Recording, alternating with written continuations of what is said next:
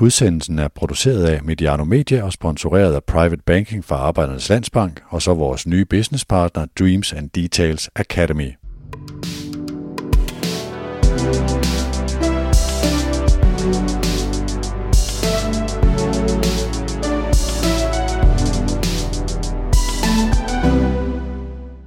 Du lytter til Mediano Bosworth, formatet, hvor vi taler med Superligaens chefer. En af dem hedder Jakob Nielsen, og ham har jeg over for mig. Hej Jakob, hvordan er det at være direktør i AGF lige nu? Hej Peter.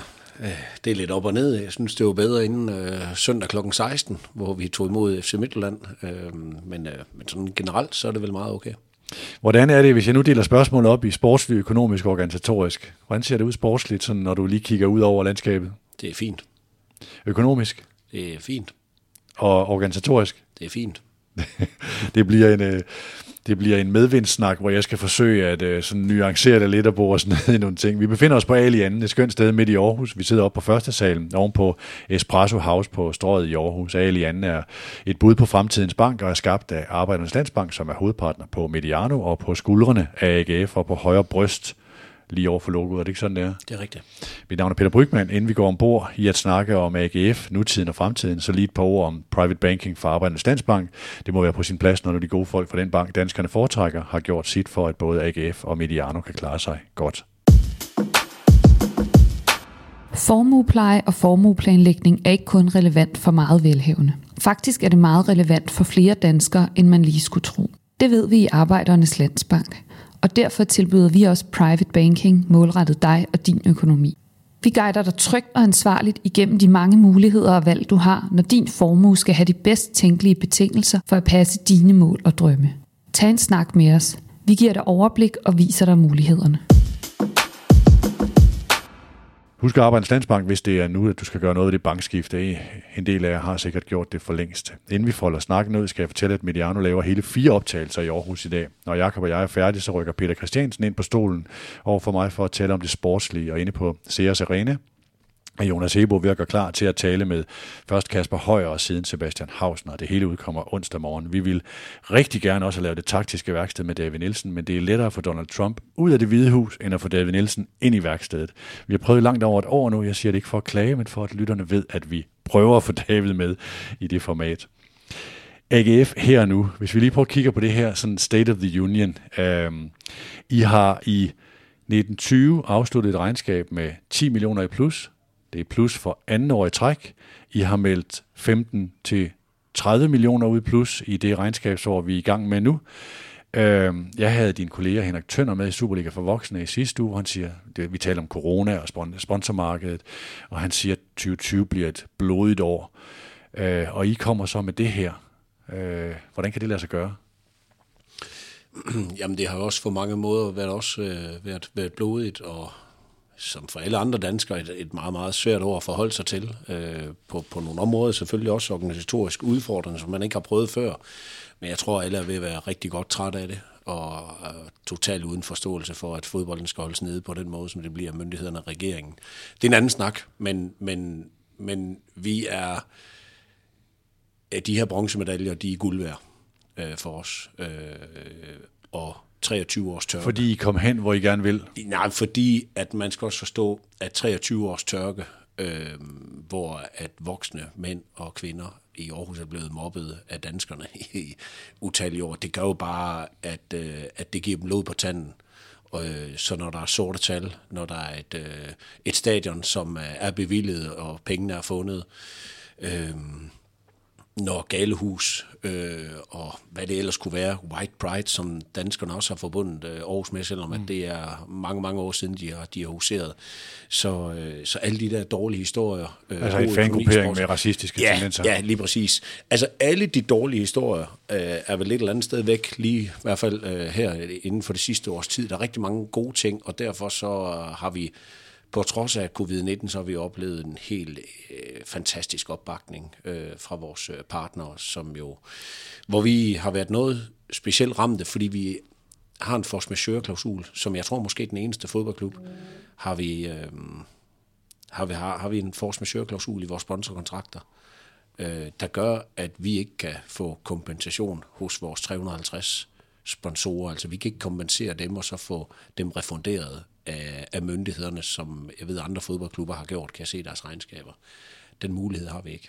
Øh, Okay. Men vi har ikke skulle kompensere nogen partnere for noget endnu. Hverken som... Fordi der ikke er nogen, der har krævet refusion eller pengene tilbage? ja, Eller? præcis. Okay. Og det er der, hvor bronzemedaljerne og rigtig mange andre ting, det bliver guld værd. Prøv lige at lade os gå ind i det der, det sponsormæssige. Fordi I gik fra, jeg tror, 55 millioner til 64 millioner i sponsoromsætning.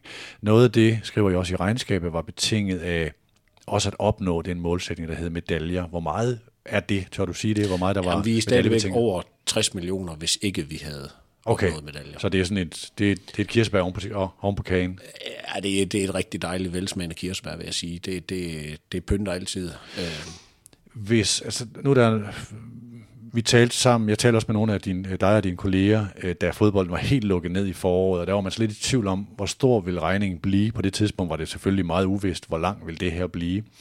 Nu er der ligesom tegnet sig et billede af at sige, øh, mange sponsorer, på trods af, at de ikke har fået alt, hvad de har betalt for, og nogle gange meget langt fra, hvad de har betalt for, så er der ikke ret mange, der har krævet pengene tilbage. Det er faktisk kun dem, der har øh, selv haft det meget vanskeligt. Ikke?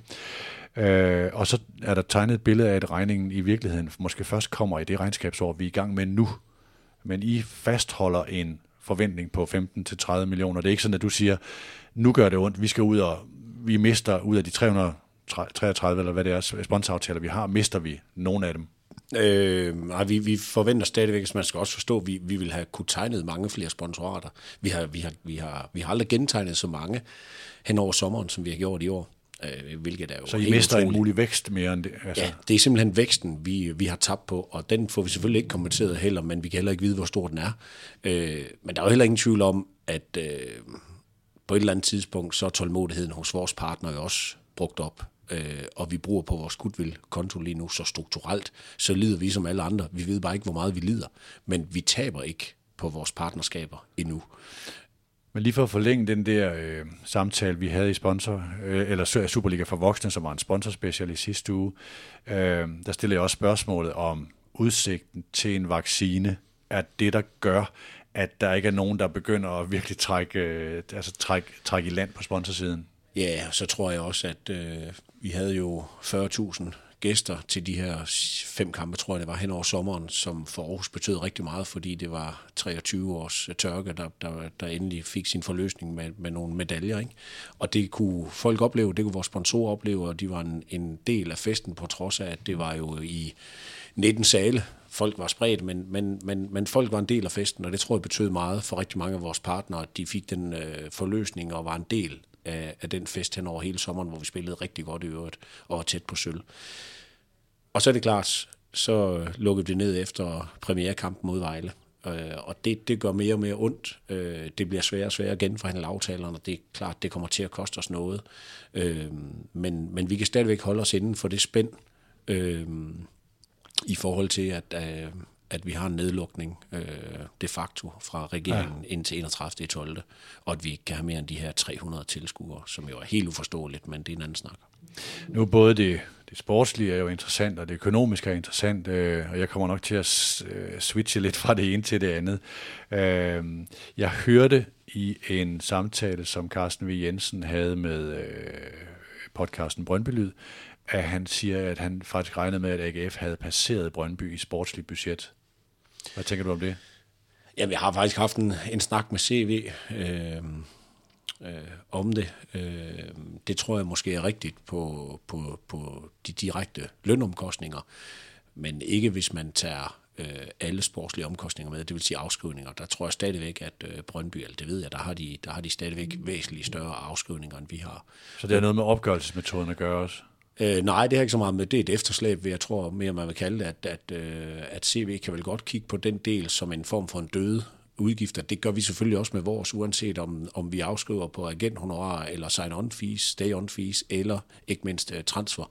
Jamen, så er der jo bare en væsentlig forskel i, at vi har 7 millioner i årlige afskrivninger på, på de, ja, de sportslige, altså det, man kalder immaterielle ja. rettigheder, hvorimod du ser Brøndby have væsentligt højere, øh, og du ser FC Midtland har bevæget sig op i en helt anden kategori, de aldrig har været i før, men stadigvæk er meget langt fra FC København. Jo, Men det er vel en, de træder ud af Brøndby i takt med, at for eksempel, nu siger jeg bare Jens Martin Gammelby og den slags, er afskrevet. Jamen det er også derfor, man kan jo hele tiden diskutere det her. Det er derfor, det er interessant. Det er derfor, jeg siger, det er godt, der er noget dybde i, for jeg kan ikke bruge ret meget af det tipsbladet laver i deres øh, analyser, fordi at det er jo hele tiden den næste forhandling, der er interessant.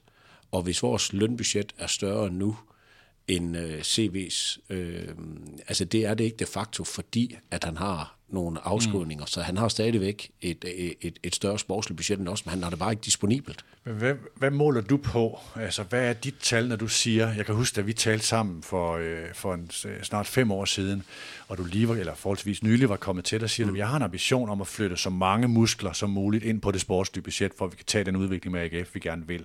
Så du har nogle, nogle trin, du gerne vil tage. Ja. Men jeg tror, vi har også taget nogle trin, øh, og det er jo fordi, at, at øh, PC og David har gjort det rigtig godt. Så de har jo været med til at skabe deres egen økonomi, fordi vi har en, en sund økonomi og har en sund forretningsmodel i, i AGF, og, og vores ja, før covid-19, vores øh, transfer, øh, som man har i Nordsjælland og i FC Midtjylland, der har været en hel øh, strategi for deres side, deres akademier, FC Københavns LaLandia, altså vores, øh, vores primære indtægtskilde, det er jo partnerskaberne, hvor jeg vil mene, vi, vi er de bedste i Danmark til det. Øh, og det er det, der bringer os til en sund forretningsmodel, hvor så, at når PC og får solgt en, en spiller, jamen, så kan vi lægge det oven på hans eget budget, hvor at de fleste andre klubber, de jo budgeterer med, med det. Den forretningsmodel, den fortalte jeg også om for fem år siden, den er ikke forandret. Nej. Og det er jo sindssygt glad for, at vi lykkes med, men det kræver stadigvæk, altså det var det nemme stykke arbejde, fordi at det uforløste potentiale, det har vi jo, det er noget nemmere at tage de første skridt. Det er jo sværere, og det næste skridt, vi er stadigvæk mega lang vej. Men ja, jeg vil vurdere, at vi, øh, vi er måske på niveau med Brøndby, men også fordi Brøndby har givet ned. Øh, ja. Og i øvrigt så ser vi jo gjort et fremragende stykke arbejde med at få nedbragt det, og Niels har fået rigtig meget ud af holdet, så, så, så de er jo stadigvæk på niveau med os. Og det, og det skal man også bare forstå, at 5-10 millioner, det gør altså ingen forskel. Det er en eller to skader, fordi ja. det kan da godt være, at du har en spiller, der er lønførende til 2 millioner, men det kan jo være, at han er 5 eller 10 værd. Altså, det, det er jo svært at gå op. Altså, øh, hvor meget er Hadji Wright værd for, for Sønderjyske? Lige nu han der været ekstremt kampafgørende. Det er måske 20 millioner værd. Mm-hmm. Altså det, det er rigtig, rigtig svært at gøre op, og sådan kan du jo ramme nogen, du kan være heldig med, og når du kommer højere op, som FC Midtjylland og FC København, så er det også meget nemmere at ramme forbi. Men kan du se jer, det kan jeg næsten høre dig sige, være på vej til at være, have større muskler end Brøndby? Jamen det, det ved jeg ikke, og jeg kan godt forstå, det er interessant, men vi har jo ikke større muskler, end at, øh, end at det kan ændres på en formiddag. Altså, det er jo også det, der gør fodbold super interessant. Det er jo heller ikke øh, tættere på, end at øh, vi kan få en fondsbørsmeddelelse fra FC København. Enten sommerhussalg, eller øh, et stort transfersalg, eller en trænerfyring, eller et eller andet, som vender op og ned på tingene. Mm. Sådan er fodbolden jo, og det er jo, øh, ja, det er jo det, der gør det hele så dynamisk. I forhold til det her indeværende regnskab, det er jo så også der, hvor øh, Mustafa Bundu tæller med som en salg til plus 20 millioner kroner. Er det sådan en faktor, som, hvor skal I ligge hen der? I forhold til, at det er det, der i virkeligheden giver plusset her. Nu ved jeg godt, der er en sponsorvækst, der så ikke kommer på grund af corona, så regnskabet er faktisk sundere, end det ser ud til. Ja. Øhm. men det er jo, selvfølgelig er, er Bundu med i de tal, øh, ligesom Jens Dage var med i de foregående. Mm. Øh, altså det, det vi er glade for, det er, at, at, øh, at vores drift er i balance øh, før transfer og europæiske indtægter og hvad der ellers måtte være. Øh, og det, det, er vel, det er sådan det, der gør, at vi øh, har kunne tillade os at få måske nogle højere priser, synes vi selv, i hvert fald har haft råd til at sige nej. Ja. Øh, det er i hvert fald en sund forretningsmodel. Øh, men der er heller ingen tvivl om, at vi har et efterslæb, hvor at øh, mange klubber har gjort det meget bedre. Det er selvfølgelig også sådan lidt høn eller ægget, fordi de sportslige resultater gør altså også bare, at når du ligger bedre i tabellen og har præsteret, så får du også bedre priser for dine, dine spillere. Det siger jo sig selv. Øh, men AGF, det er jo mange år siden. Du skal jo tilbage til ja, Leon Andresen og øh, Duncan før i, i, i midt-nullerne, øh, hvor onkel Kurt var, var med på, på lidt pant, tror jeg det var, men, men der, var det, der var det okay priser, øh, indlandsk øh, og udenlandsk transfer, og så var det Arne Johansson, som var den sidste, uden mm. at det sprang banken. Men du er rigtig langt tilbage, så, så de første skridt, vi tog øh, med PC ombord der, det var jo, øh, det var nok øh, Kasper Junker, som en, en meget lille indlandstransfer, men stadigvæk en start. Så det er et tilstand, I meget gerne vil være i at have objekter. Nu, nu, nu kalder jeg spillerne objekter som Kasper Højer og den slags. Ja, og vi har jo haft en strategi jo, altså øh, PC har jeg har været enig om fra starten, at, at det var for, for gammel en trup. Altså jeg tror, at øh, PC har fået den forynglet med fem år i gennemsnit. Det er altså rigtig, rigtig ja. meget. Det er det. Og det gør jo bare, at, at, at det er bare altså mere interessante spillere. Det er jo ingen tvivl om, det er jo den tendens, der er øh, ude i Europa, men så sandelig også i Danmark, at det bliver yngre og yngre. Prøv lige at lade os gå tilbage og så starte med dit udgangspunkt. Da du kom 2014 ja. øh, til, til AGF, hvor ville du gerne tage det hen, og sådan set i forhold til, hvor I så er nu? Ja, det er jo et eller andet sted seks år faktisk rigtig lang tid, og det glemmer man nogle gange. Mm. Seks et halvt år må det efterhånden være, ikke? Øhm, og, øh, og, og, og jeg snakkede jo jævnligt med, med Lars Forné, men, men han, øh, han bad mig om at se den her Anders Akker øh, udsendelse indefra, som jo var min første arbejdsdag, øh, og hvor at jeg blev præsenteret for spillerne, og der, der sagde jeg jo faktisk, at jeg var i klubben, og de jo lige rykket ned, jeg sad altså og kigget på nogle meget bedrøvede hoveder, øh, som ikke var fyldt med, med tro, optimisme og selvtillid. Men, men jeg sagde jo, altså, øh, at, at jeg var i AGF for at vinde noget. Og det jo, håber jeg, alle er. Øh, og det er ikke at vinde bronze. Altså det er at vinde titler.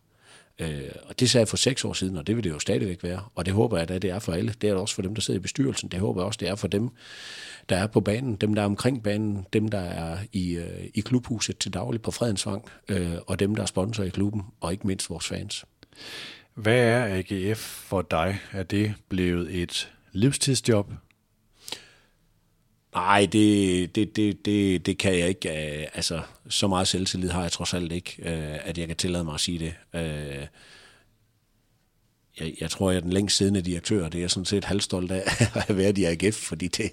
Men nu startede du også det, meget ung, da du blev direktør i Randers. Ja, ja, det er rigtigt. Det gjorde jeg, det, det er sgu efterhånden mange år siden, men, men øhm, ej, jeg har ikke, jeg har ikke, øh, jeg har ærligt talt ikke sådan nogle målsætninger. Jeg har ikke øh, gjort op, at jeg skulle have siddet her i seks år eller noget andet. Jeg tager på arbejde hver dag for, øh, at der skal være udvikling. Men prøv at beskrive næste kapitel, fordi der er jo rigtig mange stadionplaner og en masse som har ligget der ret længe.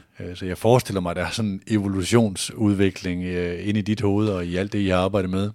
Jamen, jeg synes et eller andet sted, det, det er forholdsvis simpelt, fordi enten så, øh, så er det en afvikling i fodbolden og i sport generelt, eller også så er det udvikling. Og øh, de fleste fodboldklubber, de er jo i gang med en afvikling til, øh, til udenlandskapital, for de kan ikke følge med mere. Og det er jo det, som vi har sagt i AGF, det skal vi kunne gøre med de forudsætninger, vi har. Og det har ikke været godt nok, øh, og der vi er heldigvis godt på vej, men vi er slet ikke færdige. Og det er selvfølgelig det, jeg tager på arbejde for hver dag. Så har vi lavet en, øh, en målsætning i klubben, øh, der hedder 2025, og det er jo et eller andet sted, den jeg tager på arbejde for hver dag. Den er lavet med den sportslige sektor, altså PC og David har været inde over men det er jo ikke mindst bestyrelsen, som har været med til at, at fastsætte den. Og det er vel min fornemmeste opgave at sikre de bedste rammer for det øh, hver eneste dag, og ikke mindst en udvikling. Nu er det følgende spørgsmål, det er ikke fordi, du skal sige noget noget ufordelagtigt om din tidligere klub Randers, men det er jo en klub, der er i en situation, hvor man siger, vi er åbent over for øh, et ejerskab og udenlandsk kapital, og sådan en model, som man faktisk har set Sønderjyske øh, gennemgå nu. Øh, er det et eksempel på at sige, at det er der, hvor man ikke skal være, AGF vil gerne være et andet sted og være uafhængig af den øh, position? Det er jo vidt forskelligt, hvordan man er som klub. Øh, og der er Altså, problemet er jo, at det ender jo med at blive et nulsumspil. Nøjagtigt ligesom det gør, når vi sidder 12 klubber og lægger budgetter. Øh, jeg har hørt øh, nogle af dine podcasts, blandt andet med, med Dan Hammer også, om, om trænerfyring og så videre. Jamen, hvis vi alle sammen bare kunne blive enige om at fordele placeringerne, og dermed også vores budgetter og vores forventninger med alle i og omkring klubben, så vil der ikke være så mange fyringer. Og, øh, og der vil også øh, et eller andet sted et forventningsafstemning, for eksempel i Randers, om at jamen, gider man at blive ved med at ligge dernede som nummer 10? Hvad er den næste historie, man så skal have frem? Ikke i forhold til trænerfyringer, men i forhold til at skabe den økonomi, der skal til. Og der, øh, der tror jeg bare, at hvis alle danske klubber lader sig afhænde, øh, hvad, hvad, hvad, hvad, er det, der skal, hvad, hvad er det, der er interessant for, øh, for, for udenlandske ejerskaber at komme til Danmark for? Altså, jeg, øh, jeg, jeg har svært ved at se, jeg kan godt se noget first mover i, øh, i nogle af dem. Jeg kan se det i Midtjylland-tilfældet. Jeg kan se det i, øh, i Vejle, hvor det er en agent. Øh, det har jeg så nogle helt andre holdninger til, men, men det er en agent. Øh, jeg har også en holdning til, at man kan have to klubber, øh, mm. som man har i Midtjylland og, øh, og i Bentham. Det synes du er forkert? Med, ja, det synes jeg absolut, det er øh, forkert. Øh, altså simpelthen fodboldens øh, øko-univers. Altså nu taler jeg som en gammel røvhul, der har været med i fodbolden og har været frivillig i Vorp FB. Når man er randosianer, så siger man Vorp, men, men Vorp, tror jeg det hedder. Øh, og, øh, og det, ja, men jeg er jo selv kapitalist øh, i, i fodboldens forstand, så, så det er jo ikke, øh, jo ikke fordi, jeg ikke anerkender, at pengene øh, spiller en betydning. Øh, right to Dream øh, er jo også øh, med, med, med, med, med, med nogle formål og en, og en talentforretning. Så jeg kan jo godt se øh, formål for de tre, som vel er dem, der har haft den største succes. Men jeg tror ikke på, at 10 andre klubber kan gøre det også. Øh, Men udenlandske ejere er vel ikke skidt i sig selv. Jeg tænker, øh, ikke fordi FCK's ejerskab er helt fantastisk i øjeblikket. Nej, nej, du kan altid finde nogle, nogle dårlige eksempler og nogle, nogle gode eksempler. Altså det, det, det kan man da altid. Jeg ved ikke, om det ikke er fantastisk, deres ejerskab. Øh, altså, det, det har da været rimelig succesfuldt indtil nu. Jeg ved ikke, om det er udviklet så voldsomt i øh, de 10 år, hvor de nuværende ejere har siddet der, men det er ikke, jeg, jeg er ikke sikker på, at vi skal dybe ned i den diskussion, så bliver det for subjektivt fra min side. altså det, det her hierarki, der er lige nu, hvis vi betragter Superligaen og dansk fodbold som sådan et Formel 1-løb og en, øh, sådan en pole position. Hvem er i pole position lige nu? FC Midtland. Hvorfor er de det? Fordi at FC København er i knæ. Hvor meget er de i knæ? Jamen, det, det, det er bare sådan en øjeblikkelig ting, eller? Nej, det er jo, øh, det er jo ikke øjeblikkeligt, når, øh, når, når det er så central en person. Det har de vel også selv kommenteret, at det, det er klart, at de har været meget afhængige øh, af det. Så det er vel sådan lidt øh, Skandinaviens svar på, på Ferguson og, og United. Mm. Øh, og så kan man sige, at har man været sårbar? Ja, det har man. Har det været godt? Ja, det har det også. Men det er sårbart, øh, og det har de jo godt vidst. Og det er de jo ved at, at prøve at råbe ud på nu. Nu tror jeg, jeg kender dig godt nok til, at du ikke kommer til at sige en hel masse vilde ting, hvis jeg spørger dig om, hvad du mener om måden, man har gjort det på. Men altså, det her med at stoppe med ståle og have den plan, eller den mangel på plan, man havde bag ved det. Hvad tænker du om det? Jeg tænker, at hvis jeg kommenterede på det, så vil der sidde nogle ledere, der vil tænke nøjagtigt, ligesom jeg har tænkt alle de andre gange, at ledere har skulle kloge sig på når AGF har været et galehus, og pressen har været efter os mm. og fundet alle mulige detaljer, fordi at det er sjovt at dykke ned i, i en stor klub. Øh, og det er endnu sjovere, når det nu er FC København med deres meritter, end det har været i AGF. Så det vil være meget upassende, hvis jeg sådan klogede mig på det, øh, i hvert fald mens mikrofonerne er, er tændte.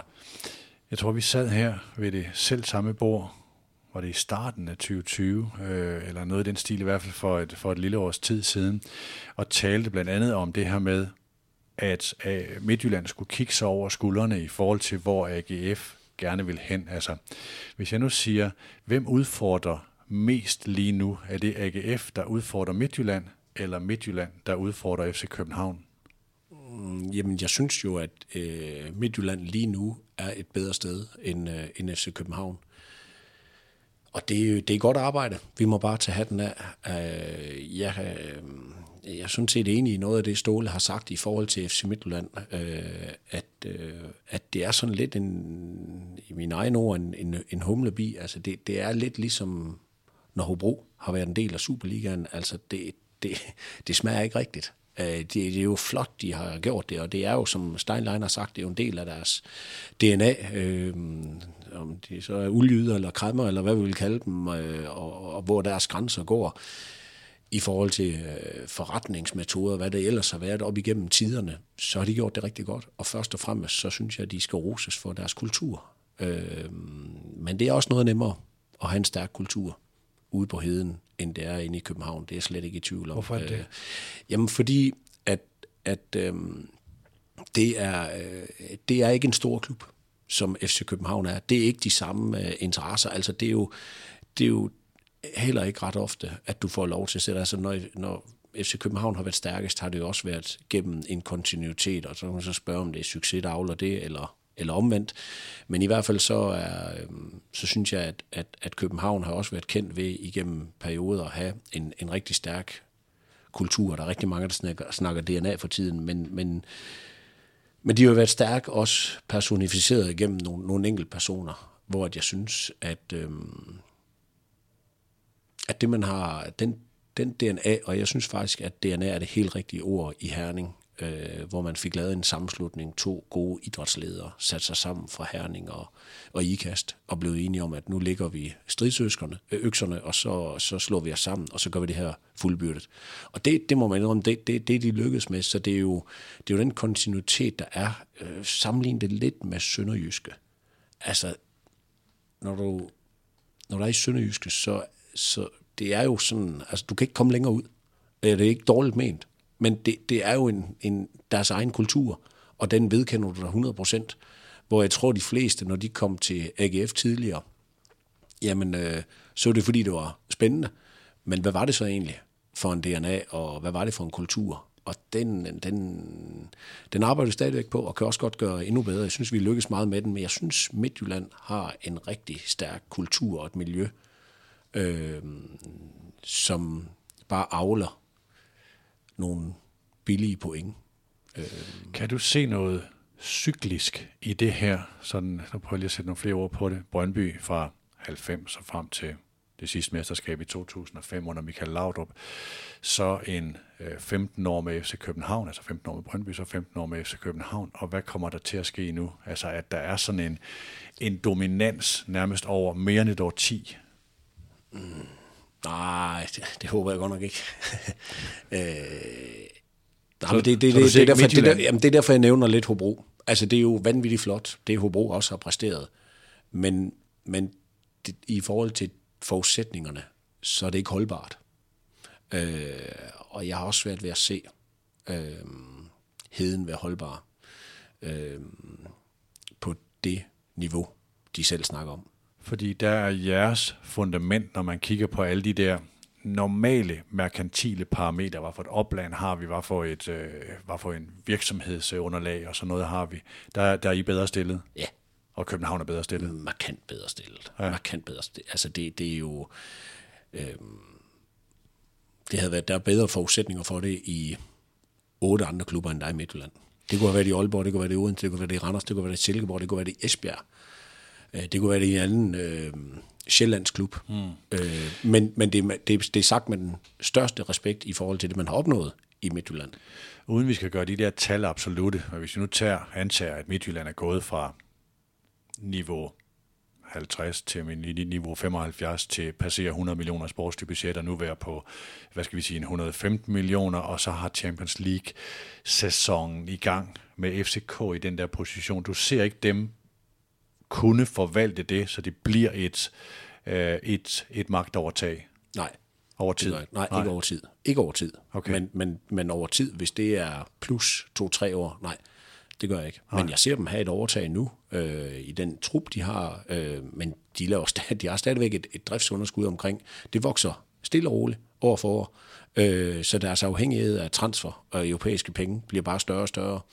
Sandsynligheden for at komme øh, i Europa, den bliver mindre og mindre øh, for danske klubber, øh, og, øh, og også for FC Midtjylland. Øh, og, og, og transfermuligheden er ikke blevet forbedret øh, det sidste års tid. Nej, på grund af corona. Ja, og ja. deres, og deres uh, driftsunderskud er blevet større og større. Og det er ikke for at sidde og tale dårligt om dem, for de gør det fantastisk. Altså, det, det, det er jo... Og, og når Steinleiner skal, jeg skal drille hinanden, jamen det, de har da gjort rigtig meget godt for, øh, for dansk fodbold, fordi det er jo med til at holde os andre skarpe. Og det er helt tilbage i 2003, hvor de tager hjem fra Nantes og sætter gang i noget talentudvikling. Det har da været meget sjovere i Aarhus, hvis vi kunne have droppet Bosman i, i 96 og, og alle de her akademier rundt om, og så vi kunne have haft vores egen store andedam her. Mm. Men det kunne vi jo ikke. Prøv så at lade os kigge på jeres game changer i det der. I har taget nogle skridt, der hedder, nu siger jeg bare, fordi der er 55 til 65 i sponsorindtægter, eller øh, øh til 64 i sponsorindtægter. I har fået transfer på, I har planer med akademi, I har planer med stadion. Så der er en lang række Altså, du har ligesom en equalizer, du har en masse knapper, du kan dreje på, som alle sammen forbedrer økonomien og forbedrer jeres styrke. Hvor er game changeren, der gør, at I kommer til at på den lange bane tage overtaget fra for eksempel Midtjylland? Jamen, det er jo på alle parametre, at vi skal kunne lykkes. Øhm, altså først og fremmest så er vores øh, fans jo øh, det vigtigste. Ligesom det er i Brøndby og FC København. Øhm, jeg tror ikke, at øh, jeg tror ikke, at der havde været de pengefolk bag ved de klubber, hvis ikke at øh, fanskaren havde været som den er. Om det så skyldes øh, deres øh, brand, deres historie, byens størrelse, eller hvad det er, det ved jeg ikke, men det er jo i hvert fald kendetegn som en stor klub, som også AGF har været kendetegn som i, i mange år. Ikke en topklub, men en stor klub. Mm. Øh, og det er klart, at det, det forsvinder aldrig helt. Det gjorde det heller ikke fra Liverpool, øh, og nu har de så, nu er de så lykkedes Fikspunktet, hvis du kigger på, nu, nu det er jeg også dårligt på podcast, jeg tegner nogle kurver, Midtjylland er der, og AGF er der. Hvornår er det, du ser, er det er det, det der 2025, jeg tegner jeres plan? Det er der, hvor vi kommer til at nej, vinde, vinde armlægning. Nej, nej, sådan fungerer det ikke. Øhm, jeg, jeg synes jo, øhm, at, øhm, at hvis vi kan hvis vi kan fastholde den organiske vækst, Øh, og der synes jeg stadigvæk, at man ikke har set, hvad skal man sige, jeg, jeg, ved, ikke, jeg ved ikke, hvor vi kan peak hen i, i forhold til, til et 25.000 personer stadion i 2025. Øhm, jeg ved heller ikke, hvad der sker rundt om i Europa, 100 andre forudsætninger mm. og, og variabler i det der. Og som jeg var inde på før, jamen altså, det går jo meget, meget stærkt. Øh, fra den ene til den anden dag, så er der noget, der er forandret, og det jeg synes jo bare, at den her tid beviser, ikke kun med covid-19, men også bare, hvad der, når nogen de giver ned i Brøndby eller øh, FC København. Altså, der er så mange faktorer, som vi ikke kan påvirke i AGF. Vi kan påvirke vores egen kurve, og derfor så kan jeg kan jo ikke vide, hvordan de andres øh, den bevæger sig, så vi har ikke lagt en plan. Øh, vi fokuserer ikke på, på de andre, øh, hverken i at ødelægge dem eller noget andet. Det skal være en, en færre sport, men, mm. men, men vi skulle gerne nærme os dem. Øh, så der er ingen tvivl om, at, at FC Midtjylland er milevidt foran os på de sportslige budgetter øh, lige nu. Øh, men, men de er mere afhængige. Det har du tænkt dig at lave om på? Ja, det ja. kan man godt sige. Det skal vi høre mere om. I oktober fik vi en ny businesspartner på Mediano, det er Dreams and Details Academy. Det er både lederuddannelse og et sted, hvor man lærer meget om strategier om at genopfinde sin virksomhed, også mens man synes, det går godt, og ikke bare når det hele er begyndt at køre nedad.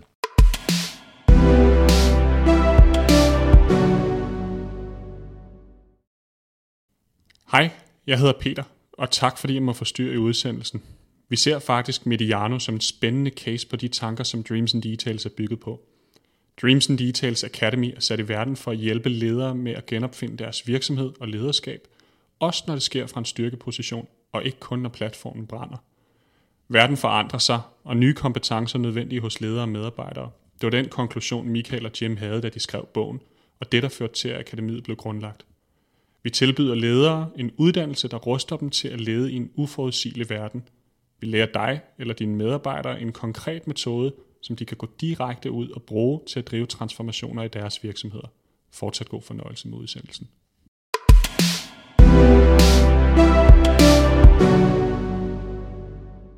Tjekke det ud på dreamsanddetails.com. Øh, øh, jeg kender bogen, jeg kender Jim, jeg kender Michael, og rammer du en af de sløje dage i programmet, så kan du faktisk også risikere at få et oplæg om Mediano. Jeg var opvarmningsbane for Kasper Julemand på en af kursusdagene, en skøn sommerdag i Frederiksberg have, eller jeg tror faktisk Kasper var, øh, han var han var, han var før mig, så, øh, men, men jeg tror ikke helt det der med opvarmningsbanen, det, det passede helt der.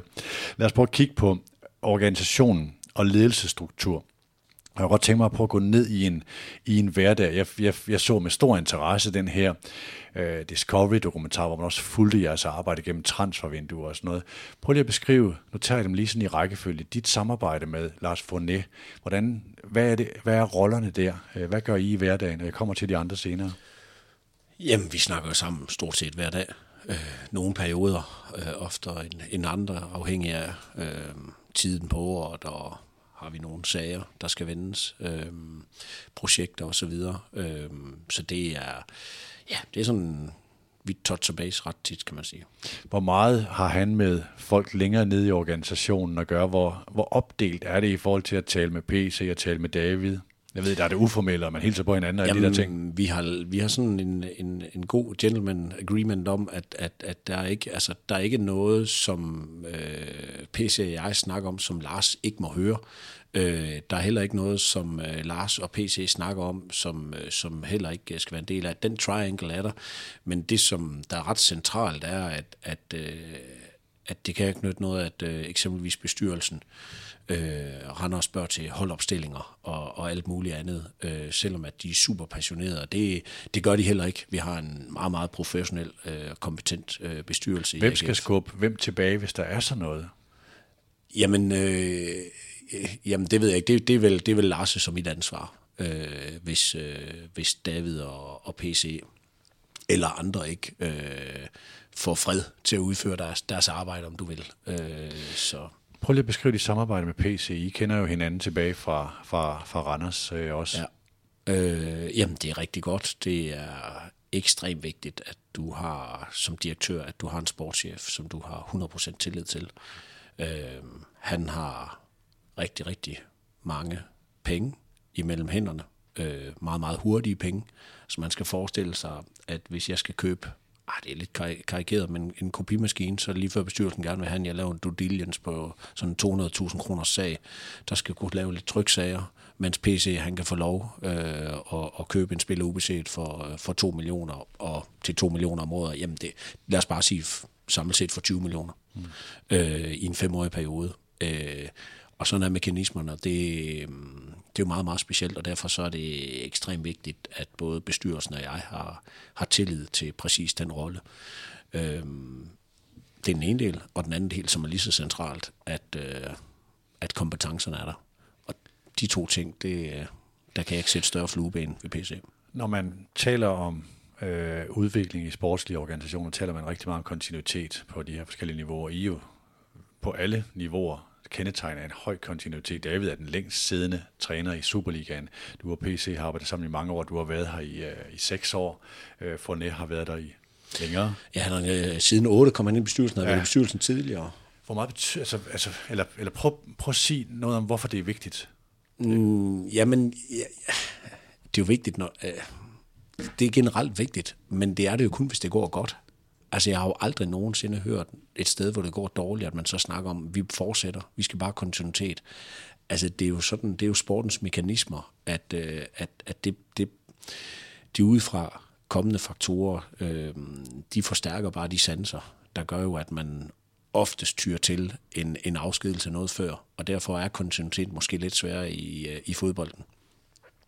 Men ellers så, øh, så var der ikke nogen af os fire, der vil være der hvis, øh, hvis ikke at tilliden var der øh, ovenover. Og det, det er jo helt centralt, at øh, vi skal altså ikke længere end cirka et års tid, lidt mere tilbage, der var, der var David øh, fyringstruet ifølge medierne. Mm. Øh, og, og vi øh, var fulde af fortrøstning. Vi kunne se det arbejde, der foregik. Foregående sæson, hvor I vandt medaljer, der var det fem runder, to ja, point. fem runder, to point jo, og, øh, og det, det, der, var, der var spørgsmålet der jo. Øh, og, og sådan er det jo bare. Så TV3, de øh, henter øh, chefredaktøren fra Aarhus Stifttidene ind på, på løbebanen, og så får han øh, stillet domdags øh, spørgsmål, eller så stiller han dem selv.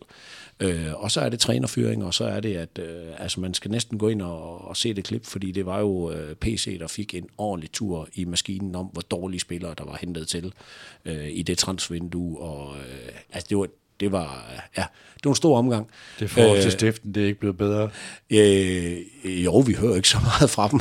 så, så, øh, så jo, altså, jamen, det skal man jo bare forstå. Jan og jeg har jo et respektfuldt forhold. Der er ikke noget af det, og de holder os skarp, og de vil altid have den pind, og jeg vil altid have min ret til at sige, at jeg ikke er enig. Så længere er den ikke.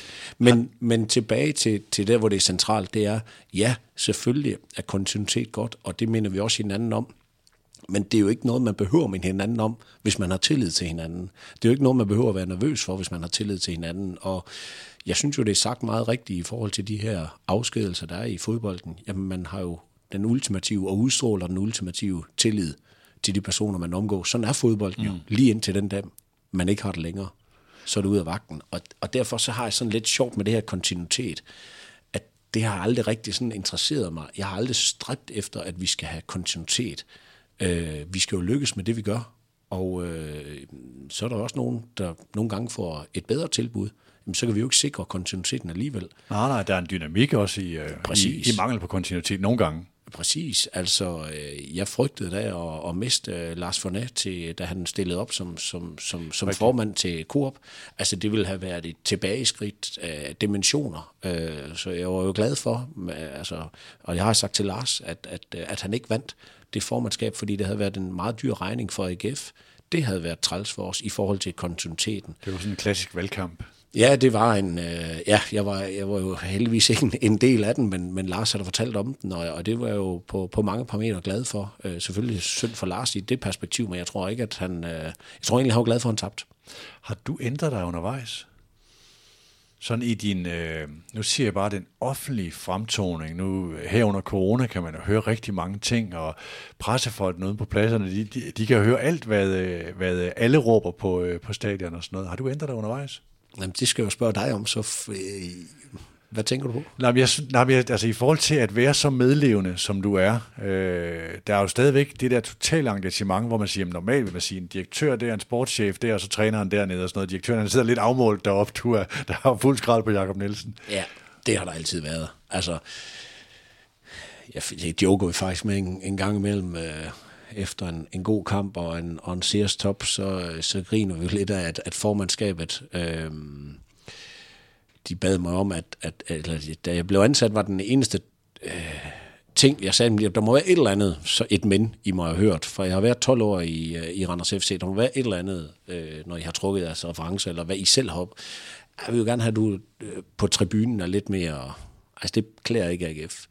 Nej, men det er jeg nok enig i, om det skal jeg prøve at arbejde på, og så øh, tog vi til en kamp i Horsens, tror jeg det var, og jeg var med på den, det var nærmest holde øh, Lars væk øh, fra, fra de verbale tæsk, der var rundt omkring på den her Horsens tribune, som er medlevende. Altså, jeg synes, det er en del af fodbolden. Jeg er en, øh, en fan og top engageret i... Øh, i, i de projekter, jeg kaster mig ind i, og ja, det vil uden tvivl øh, klæde AGF rigtig mange gange, hvis jeg tidestille eller noget andet, men, men det er altså mit adrenalin, det er, øh, det er min løn om, om søndagen, det er derfor, jeg er med til alle kampene. Øh, det er det, jeg brænder for. Øh, det er det, der gør, at jeg også gider lave det rugbrødsarbejde, der skal til i, i hverdagen, og lægge så mange timer i det. Så det tror jeg desværre aldrig, jeg kommer helt til at, at slippe den del. Nu så det har jeg egentlig altid gjort. Nu hørte jeg en forleden sige, at det var som om, du også var dæmpet på de der meget hårde ytringer mod spillerne og trække ud i bukserne og sådan og sådan. Det er selvfølgelig så også i en periode, hvor det gået AGF godt. Tror du, du ændrede der? Øh, nej, det, det tror jeg ikke, jeg øh, Der har bare ikke været behov for det. Nej. Altså, så det kunne, det kunne i princippet ske igen? Ja, det vil jeg da ikke afvise. Hvis jeg mener, det er det bedste for AGF, mm. og i den situation, vi er i, øh, altså jeg vil så også sige, at vi har second to none hvad det angår øh, i David Nielsen. Altså, ja. der er ikke nogen, der er bedre til den retorik, hverken over for pressen eller over for spillerne, altså man management og øh, generelt øh, ja. den trup management, og det gælder også PC. Så jeg, jeg føler ikke, der er behov for det, men, men når du nævner trække ud i bukserne, eller hvad det var, jamen, så var det jo fordi, der var nødt til at være nogle impulser, der forandrede sig, for ellers så, øh, jeg havde bare set det før. Øh, jeg tror, jeg havde været et halvandet år eller sådan noget i, i AGF på det tidspunkt, og øh, jeg havde bare set det forår tidligere i AGF, øh, sådan udefra, og tænkt, det, der, der skal et eller andet til for at vække det der. Øh, og så er jeg ligeglad med at stille mig frem og være, altså hvis, hvis det tjener det bedste, altså at de har en og havde for at, øh, at præstere bedre, eller hvad der må til for at, at rock the boat, så er det det, der skal til. Hvad med din rolle i forhold til det kommercielle? Øh, har den ændret sig? Jeg lavede nogle organisationsændringer. Du har jo hidtil været kendt for at være den, der havde meget hands-on og havde en meget aktiv del i også den positive udvikling i AGF sponsorunderlag sammen med den, det team, der nu var. Er, er det ændret på det seneste? Ja, det kan du sige, fordi at, øh, at vi startede jo en, en proces øh, med øh, at rekruttere en salgsdirektør.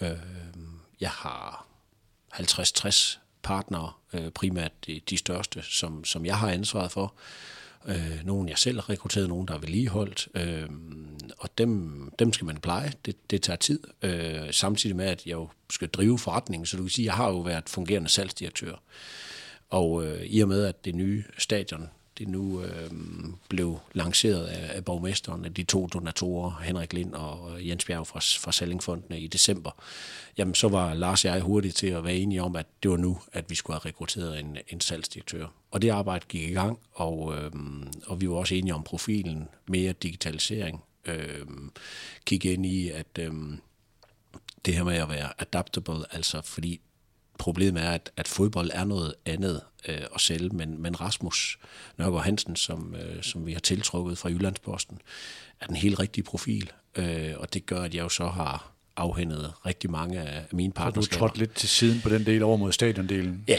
det kan du ja. sige. Øh, men også, øh, altså, vi er ikke gået ind i, i kvindefodbolden og i vores bæredygtighed og i e-sport for sjov. Altså, der sidder jeg også med øh, for øh, at implementere det, og det, øh, ja, kan få en god start. Det kan man så have sin mening om, om jeg har kompetencerne til det, men det forsøger jeg i hvert fald at bidrage med, at, øh, at at blandt andet kvindefodbolden, at vi, øh, vi også øh, giver det noget attention. Så rejser jeres hidtidige kommercielle chef, øh, Jesper Elkær, til ja. OB. Øh, var det fordi, der kom en ind over ham, og han ikke ja, synes det var sjovt? Ja, det var det nok. Øh, men, men jeg anså heller ikke Jesper for, og, altså kommerciel chef var, det har været en fantastisk rejse øh, med Jesper. Øh, Jesper ansatte jeg efter et års tid. Øh, noget af det, som jeg kunne se ret tidligt i AGF, vi havde brug for, og som, øh, som jeg lærte af meget kort tid i klubben, fordi vi mistede meget store partnerskaber, det var, at vi havde brug for at øh, sådan i ren integritet kunne, øh, kunne tage vores sponsorkontrakter og lægge over på et rent bord og sige, dem her, dem skal du kun gøre bedre. Problemet er med mange sponsoraftaler, du lægger med jo ned i skuffen, og så giver du ansvaret til sponsoren til, at de skal aktivere det. Ja. Og, øh, og så kommer du ud efter et år, eller måske tre. Du har selvfølgelig mødt dem til kampene, men du forholder, dem ikke, du forholder dig ikke til, til, til det, de skal, og mange har snakket om, når du giver en krone for et sponsorat, så skal du bruge en krone på at aktivere det. Men du skal jo gøre det sammen, ellers så virker det ikke, mm. og som Peter Frohlund han rigtig nok siger, du skal jo gøre det, hvor det er relevant. Og det har vi lagt en strategi for, det gjorde vi for, for fem år siden, og vi lykkedes rigtig godt, at Jesper var aktiveringschef, og blev så kommersiel chef, øh, egentlig med det samme ansvar, øh, men også på, havde også ansvaret for vores B2C. Det delte vi så op. Vi fik Morten Lærke ind, som har været i klubben tidligere, som er kommersiel chef nu for B2C. Så var Jesper for B2B, ja. og Rasmus kom så ind øh, her hen over året Men som er, er det ikke tab, han rejser til OB? Øh, jo, altså jeg vil, det, det er jo Jesper, der, der selv er stoppet, øh, men, men vi har jo øh, vi har gode folk. Det, vi har en aktiveringsafdeling nu, som, øh, som kommer til at tage over på det, og det giver os nu muligheden for, altså jeg anser det jo for en transfer, ligesom når PC, at du må jo sikre, at øh, du har en skyggeliste, og det har vi også der, og vi, øh, det har jo godt vidst, for jeg har haft en lang snak med Jesper om det, øh, ja. igennem længere tid, og, og Jesper havde nogle ambitioner, jeg ikke kunne opfylde. Øh, han havde ikke den profil til at, at have salgs ansvaret. Okay. Øh, så nu får I den helt råt for, for usødet, men øh, har et fint forhold til Jesper. Han har gjort det rigtig godt, og jeg ønsker ham alt muligt held og lykke. Jeg hører fra den kommercielle side fra virksomheden, at han har været meget anerkendt for den aktiveringsarbejde, han har lavet i AGF. 100 procent, ja. men, men vi er ikke, altså, øh, det er, vi har ikke haft den eneste sponsor, som har henvendt sig i forhold til det, så vi er føler mig ikke sårbare på nogen måde. Vi har jo 10 mand ansat øh, i vores øh, sponsor- og aktiveringsafdelinger til den del, så det, der, der er vi meget, meget stærkt rustet. Så har I fået en bæredygtighedschef. Ja. Øh, hvad er det, hun skal gøre?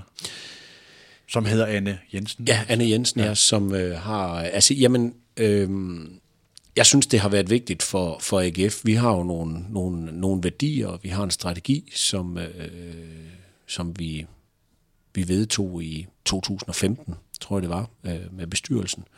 Og, øh, og jeg synes, at når et af vores øh, værdier, det er stolte af Aarhus, og det er ansvar, vindermentalitet, hårdt arbejde, så var det de alle fire. Men specielt de to første gør, at når for eksempel vi snakker om Aarhus og ansvar, når vi snakker om et nyt stadion, men også når vi snakker om vores brand, øh, om at tiltrække øh, yngre målgrupper, øh, også øh, en mere øh, en, en stærkere appeal over for, for kvinder på stadion og interessere sig for fodbolden, når vi går ind i kvindefodbolden også. Så synes vi et eller andet sted godt, at vi vil tage ansvar for, for bæredygtighed. Og det skulle ikke bare være noget, vi sagde, og at jeg så øh, skulle køre i en, øh, i en elbil, og så var alt øh, fredet, og at vi nu cyklede til udbanekampen. Altså, vi gør det der, hvor det giver mening. Øh, og det giver ikke mening at cykle til udbanekampen. Det giver mening at lave affaldssortering til vores kampe. Det giver mening at gøre det med de gode partnerskaber, vi har. Men det giver også mening, fordi at jeg er overbevist om, at det bevæger sig i den retning, at større partnerskaber, de forventer det af dem, de laver noget med. Så det kommer helt konkret i... Øh, ja, måske også nogle skabeloner øh, fra Men I er de første, der har sådan en. Ja, det, det, det, det tror jeg. Jo, det, det vil jeg mene, vi er. Øh, men, men det er jo også, fordi og vi mener kommer det. fra festivalområdet, der arbejder med Northside og nogle af de her steder. Ja, så hun er også øh, chef for vores, for vores branding, øh, og hun er også øh, inde omkring vores CSR, fordi der er rigtig mange af de øh, ting, som, som, som vi laver for byen, som vi synes godt kan, kan kobles sammen med det.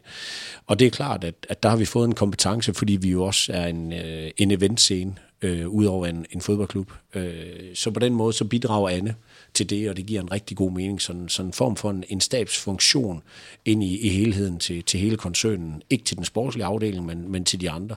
Men blandt andet også sikre, at, øh, at der er mere bæredygtighed på Fredensvang, vores eget klubhus, og sådan nogle ting. Så der er rigtig, rigtig meget, vi, vi gerne vil tage, tage større ansvar for. Vi har lavet Clean Up Aarhus, hvor vi øh, fik samlet, jeg tror det var 100 øh, frivillige, vores fans, øh, men, men også nye fans, viste det sig, da vi øh, slog det op på, på de sociale medier, som kom og var, havde en, en dag i skoven under covid-19, hvor man rengjorde hele... Øh, hele skoven, hele Marcelis okay. skoven, øh, for plastik, og jeg ved ikke, hvad de fandt af, af gamle øh, militære hjelme og øh, øh, skøjter, og selvfølgelig en masse plastikflasker og alt muligt andet. Det, det er jo flere tons, der blev samlet sammen. Nu skal vi tale med PC senere, og kommer til at tale meget af det sportslige der, men hvis vi lige går ned på banen og så kigger på, hvor meget, øh, hvor meget ser du, at det sportslige og øh, Davids arbejde, staben, har betydet i AGF's seneste udvikling? Jamen, det er jo selvfølgelig altafgørende. Altså, øh, vi kunne ikke lave de partnerskaber. Jeg forestiller dig at sidde og snakke om et stadion til 25.000, øh, hvis vi havde ligget dernede, hvor vi har gjort mest. Altså, det, det havde ikke været det samme. Øh, som jeg siger, de bronzemedaljer er guld værd kommercielt, fordi at vores partnere, de, de har gentegnet, og de har tørstet efter det her, men det er også givet dem værdi. Altså mange af vores partnere kigger ROI, og ROI skal man passe på, man kun har mål i, i rene penge og i rene handler, men også oplevelser. Og det tror jeg bare, at covid-19 har mindet rigtig mange om i, i den her tid, at mm. det er faktisk det, der er rigtig mange partnere, der er der for. Så det er et svær i stenen for nu at tage den her, som også kan måles og ses på, på alle parametre, også det kommercielle. Ja, men, men øh, der er mange, der har været henne og hive det svært.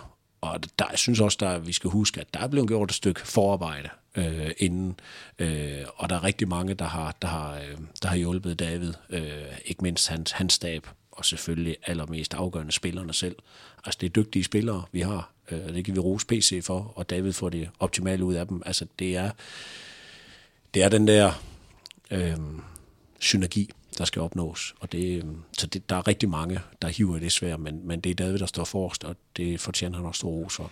Nu sagde du selv, da vi startede, at det kunne have været sjovere, hvis den der kamp i søndags var gået bedre. Men hvis man lige kigger på diskussionen om, jeg interesserer mig meget for AGF, OB og OB, og hvad er diskussionerne om dem. Lige nu er det sådan, at AGF, man diskuterer ikke rigtigt, om de kommer i top 6. Jeg tror også, at oddsen er helt vildt lave for, at, øh, at man gør det. OB er på vej mod noget spændende, og dem regner man som værende øh, deroppe, og et rigtig spændende hold, og OB, de hænger lidt. Øh, kan I også blive for malige, fordi der er ganske få point ned, og I har en sæson, hvor det er lykkedes?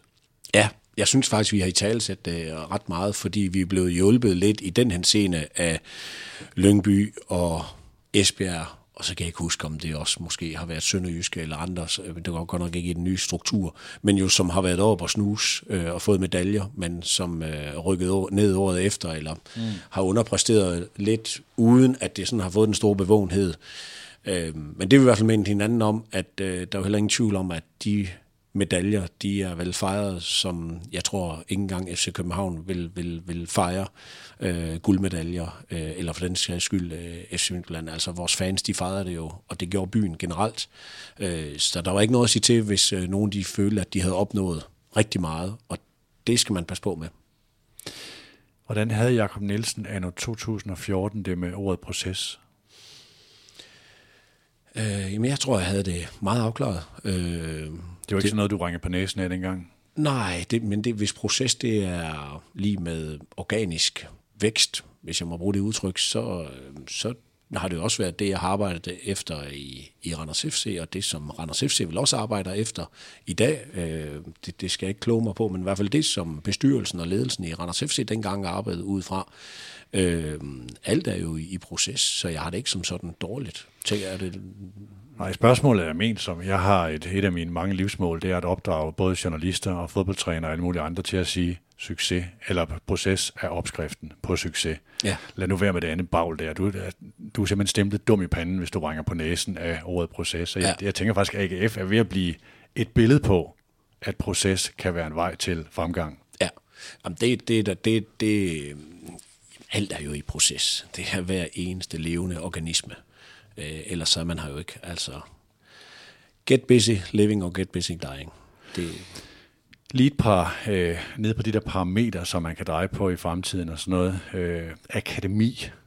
Hvad er jeres planer der? Det er også noget, jeg kommer til at spørge PC til selvfølgelig, men øh, lige fra din og din mund. Jamen, hvis akademi, det er talentudvikling, fordi det, det er sådan lidt begrebsforvirring i dansk fodbold om det. Men, ja. men hvis det er vores øh, talentsektor, du, du taler om, jamen, så skal vi leve op til vores forudsætninger. Og det er faktisk ikke top 6. at Det er jo, at vi skal være lands bedste.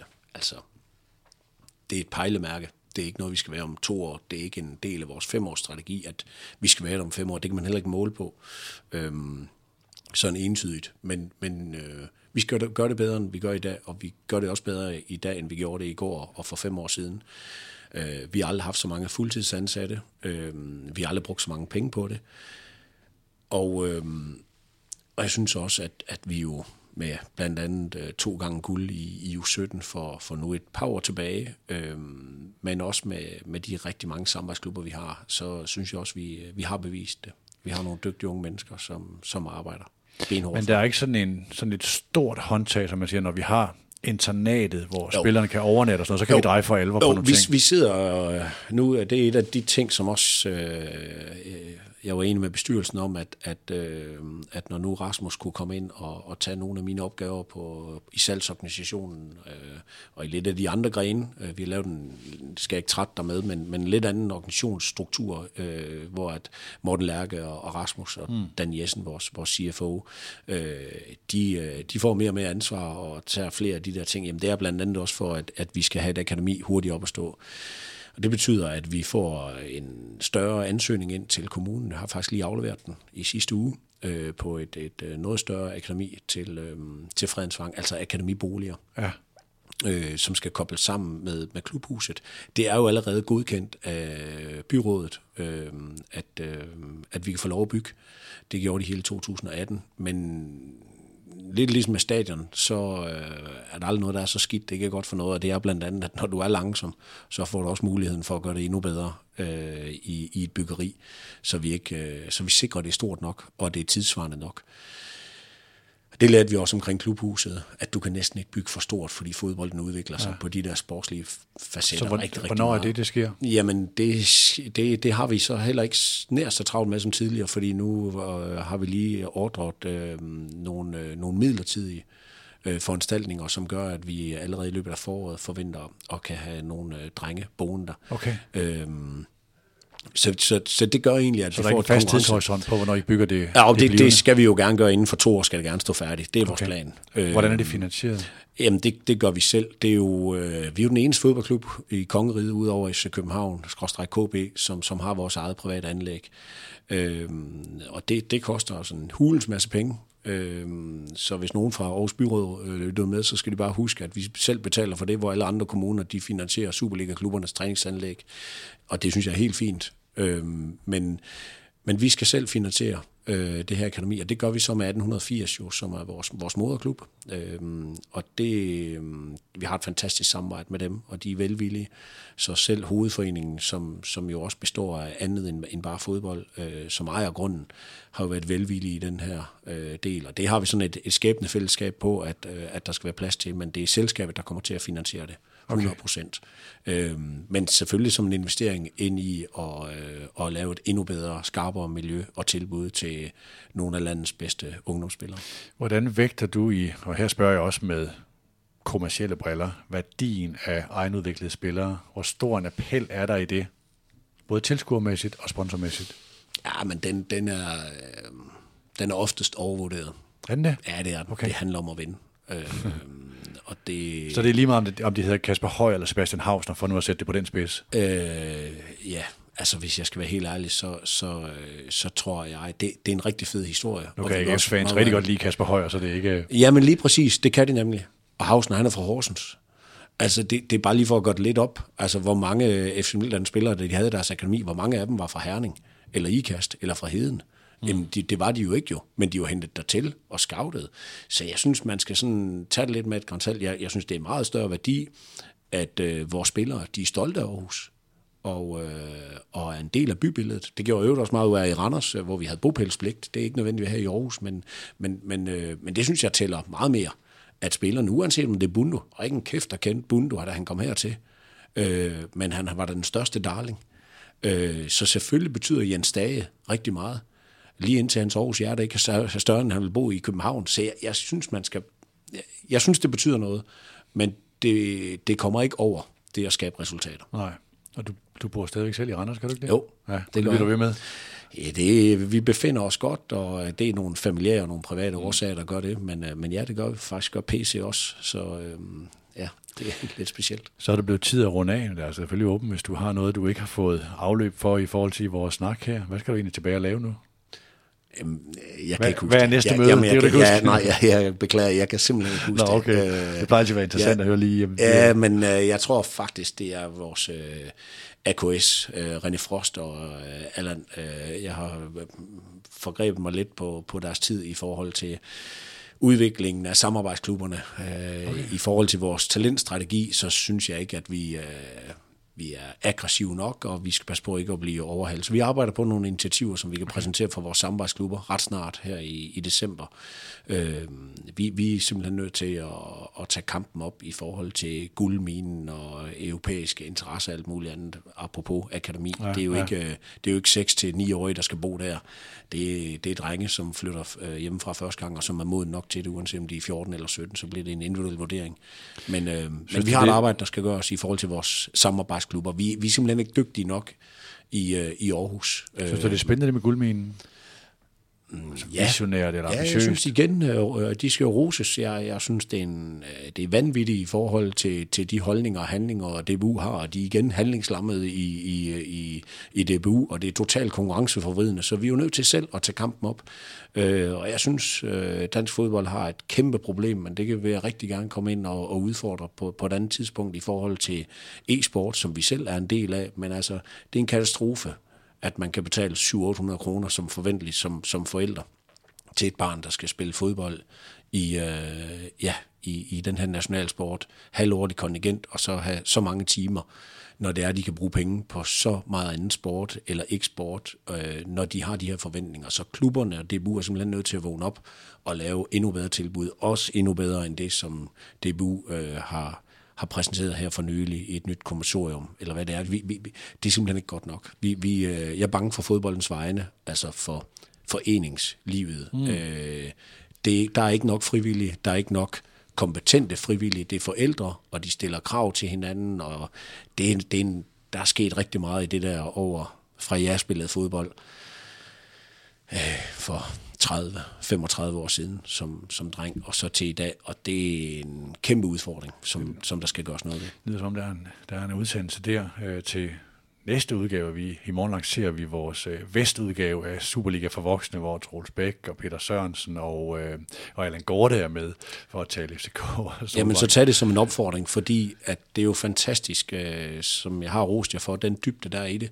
Men det er jo det taktiske værd. Det er jo, øh, det er jo ren guf for alle elitetrænere og alt muligt andet. Men lav noget for, for foreningsfodbolden. Øh, øh, der har Kasper Julemand og rigtig mange andre jo nogle kompetencer at byde ind med.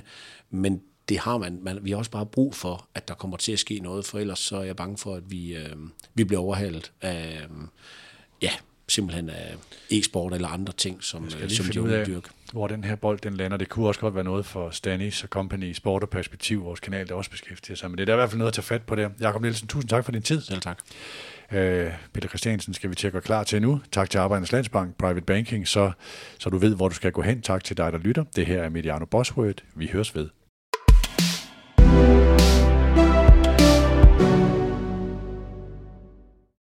Udsendelsen er produceret af Mediano Media og sponsoreret af Private Banking fra Arbejdernes Landsbank og så vores nye businesspartner Dreams and Details Academy. thank you